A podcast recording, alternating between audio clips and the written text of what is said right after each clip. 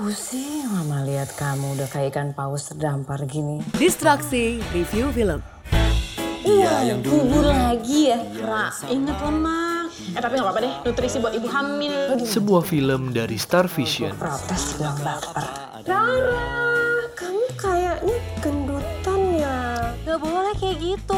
Itu namanya body shaming, mempermalukan tubuh orang lain. Cantik-cantiknya mereka langsing, putih.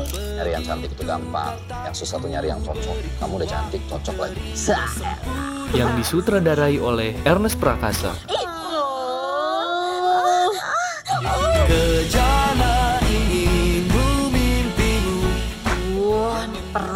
gue gunting deh rasanya. Diperankan oleh Jessica Mila sebagai Rara, Reza Rahardian sebagai Dika. Masalah binatangnya, Dika. Terus udah pernah pakai baju ini loh, Beb. Uh, ibu, pengantinnya di sebelah mana ya? Pengantinnya ya kalian lah. Amin. Tadi saya suami dong. Pasti ibu yang terlalu milih-milih nih. Percaya sama zodiak-zodiak ya? Saya nggak percaya sama zodiak. Oh. Sio. Kita sama-sama tahu lah lo yang paling mampu. Tapi masalahnya di industri kita ini, isi kepala aja nggak cukup. Penampilan juga penting. Rara mana pantas mimpin kita? Mimpin. Belajar dandan dulu gimana? Lo itu yang paling pantas gantiin Mbak Sheila. Ah, ah. Mama nyuruh kamu jaga makan, rawat badan. Itu semua buat kamu. Bukan buat mama. Rara kenapa? Ini masalah orang jelek lo, kamu gak bakal ngerti. Gue udah bilang sama lo kan? Gak usah gangguin anak kos cokap gue.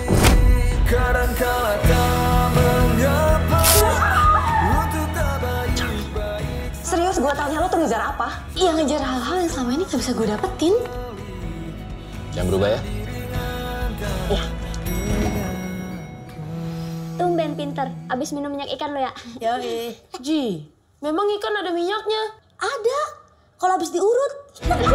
So, mari kita mulai reviewnya. Imperfect, karir, cinta, dan timbangan. Yo, balik lagi di podcast distraksi kali ini barengan sama Arik dan ya kita mulai aja reviewnya Imperfect. Jadi aku mau cerita dari mana ya? Kok cerita sih?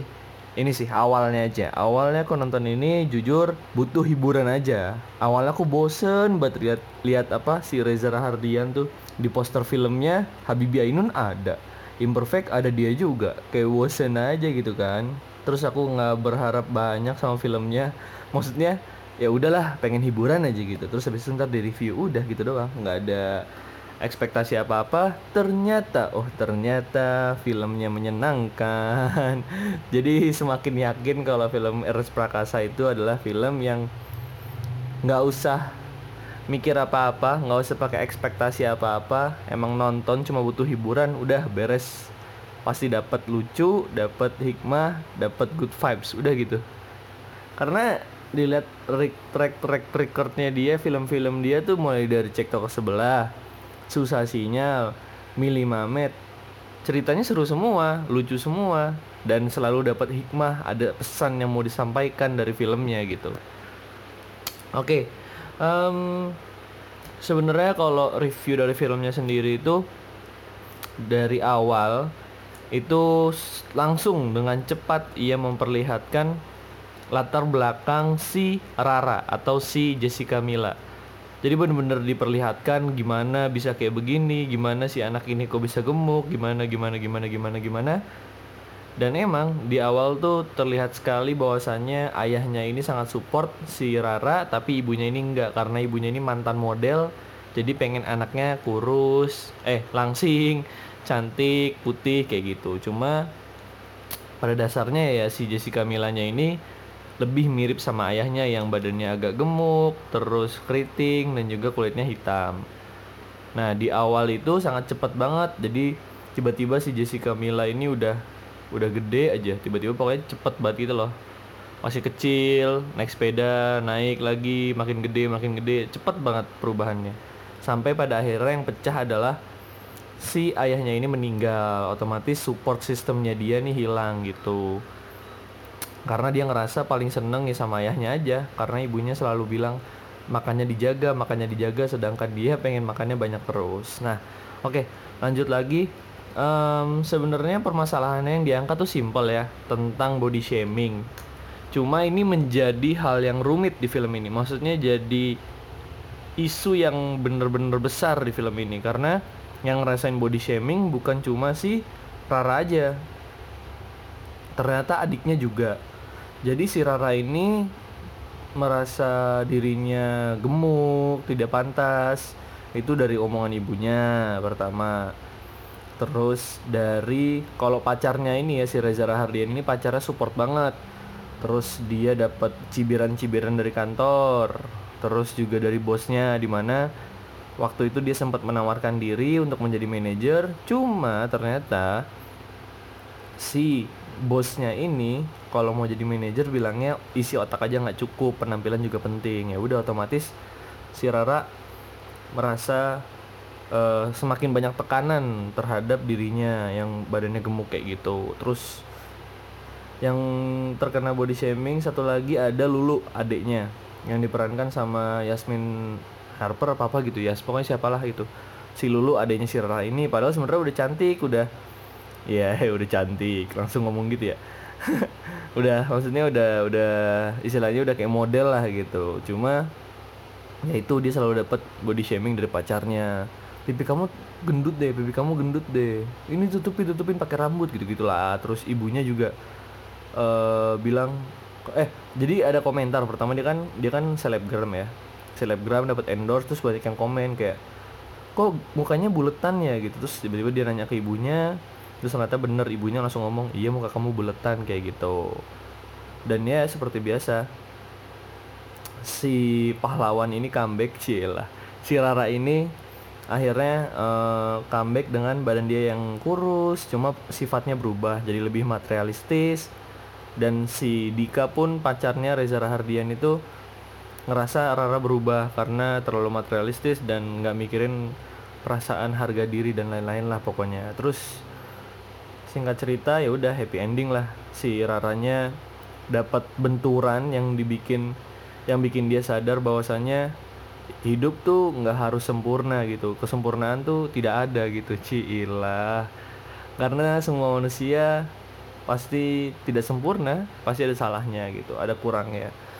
Terus alur ceritanya bagus banget. Alur ceritanya nggak nyangka aku kira bakal ya udah happy ending aja gitu dengan si Rara yang udah kurus. Ternyata si Rara sifatnya berubah.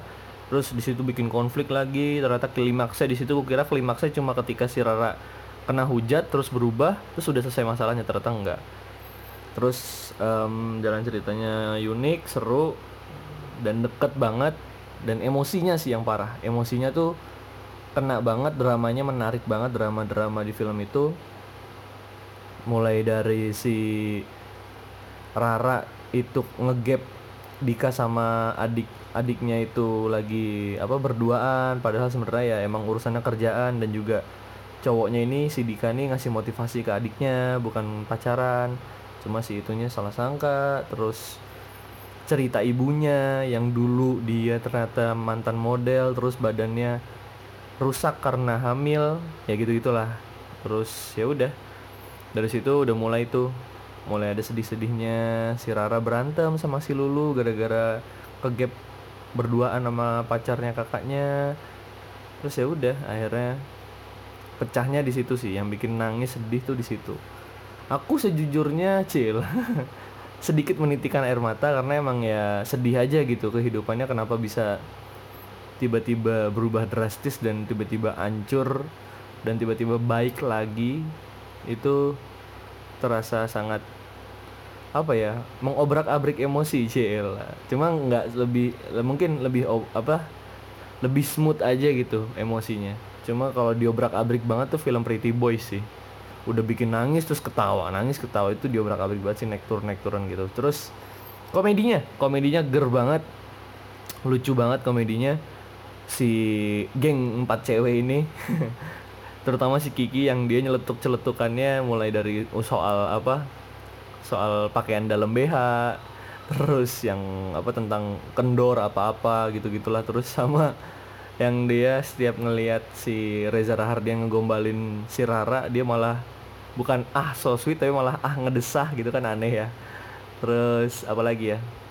Hmm, oh yang dia kejepit sama aduh ada ada ini ada setting sorry.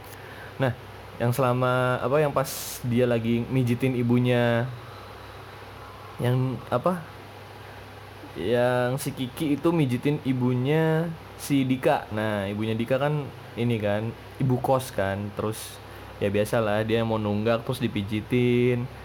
Terus ada scene di mana dia kejepit kursi pas buru-buru. Ya macem-macem lah. Itu lucunya mungkin lebih lucunya di geng itu yang paling lucu Kiki sih. Terus sama penggunaan kata meren meren itu. Ya, bahasa bahasa Sunda kan meren. Kayak meren tuh artinya kan mungkin gitu kan Eh, kayak kata-katanya kemarin tuh oh keseringan dicatok meren gitu kan. Terus dibilang si orang ini kan nggak bisa bahasa Sunda si ceweknya yang rambutnya keriting tuh yang hitam kulit hitam itu. Dia nggak bisa bahasa Sunda terus pas bilang meren meren tuh apa sih? Mungkin. Oh terus tiba-tiba dipakai ke kalimat yang nggak nyambung gitu. Terus juga dibilang oh meren tuh bukan mungkin kali gitu. Ya aku catok cuma dua kali meren gitu terus kan nggak nyambung ya jadi penggunaan kata meren di situ itu jadi komedi yang simple tapi lucu banget gitu. Di situ ger banget ger banget sih. Terus apalagi ya? Ya Reza Rahardian di film ini berbeda banget. Biasanya Reza Rahardian dramatis berwibawa terutama dia udah kebawa sama Habibi itu. Film Habibi jadi kelihatannya berwibawa orang yang wise gitu lah cuma di film ini ya dia orangnya ya lembut baik terus banyak ngegombalnya. Terutama setiap gombalan itu selalu diakhiri lah kayak itu di situ komedinya lucu sih. Meskipun sering diulang ya kata-kata lah tapi em, masih pada porsinya gitu. Terus lanjut lagi castnya dari castnya tuh berbintang banget cuy. Mulai dari ada Wanda Hamida ada Devina Aurel ada si Putri Pariwisata Indonesia siapa tuh? Lupa aku namanya terus si Ardit Erwanda, Aco kayak gitu-gitu, Ernest Prakasa, Reza Rahardian, terus ada ibunya pemeran ibunya si Rara juga. Case-case-nya tuh kelasnya oke-oke semua sih, sangat bertabur bintang lah bisa dibilang. Untuk kelas film yang sebenarnya bukan film yang wah gimana gitu kesannya tapi ini kan film yang sederhana permasalahannya sederhana tapi bagus banget. Di- dibungkusnya tuh bagus banget gitu eksekusinya bagus banget. Nah terus yang aku perhatikan adalah pemilihan lagu yang oke lah. Yang cukup oke karena beberapa bagian ya kayak misal pas lagi si Rara tuh sedih banget terus kayak butuh istirahat. Mungkin kalau backsoundnya tuh lagunya Kunto Aji yang rehat mungkin oke jadinya lebih oke gitu. Cuma di sini kan yang apa pemilihan backsound eh soundtrack lagunya tuh si Virsa Besari kan nah di situ juga pas sih sebenarnya di akhir ketika apa Rara udah mulai kembali lagi, udah mulai bisa berdamai dengan hal itu semua, udah mulai tidak insecure, terus langsung ada lagu pelukku untuk pelikmu ya kan. Di situ pas sih, cuma kalau misal diganti sama yang pas bagian-bagian yang tertentu aja, diganti sama lagu yang lagi hype sekarang mungkin ya. Mungkin lebih oke sih, cuma ya gitulah, nggak bisa kita semua ambil semua yang bagus-bagus kan sayang juga. Ya paling itu aja sih yang bisa didapat. Terus Ah, oh iya case-nya ada ini ya Syarifah dan eh ya Syarifah Danis kan? Itu keren banget itu main pemain horor yang oke banget malahan. Mainnya oke oke banget sih bagus bagus semua case case nya aku suka dan Syarifah Danis eh, perannya juga pas banget. Dia jadi tomboy tomboy gitu. Oke lah semuanya udah beres banget nih. Filmnya cocok ditonton untuk hiburan. Untuk skor mungkin aku berani kasihnya cuma 7,5 atau sekitar 8 lah. 8 mungkin 8 Karena emang ya filmnya nggak perlu mikir capek-capek nggak perlu plot twist plot twist Anjas-anjas gimana gitu kan. Cuma ya udah udah pas banget filmnya emang butuh untuk hiburan ditonton bareng keluarga udah cocok banget lah Ya udah begitu dulu dari podcast distraksi. Terima kasih sudah mendengarkan. Berdistraksi itu perlu tapi harus eh berdistraksi itu perlu tapi jangan kelamaan. Terima kasih sudah mendengarkan. Bye.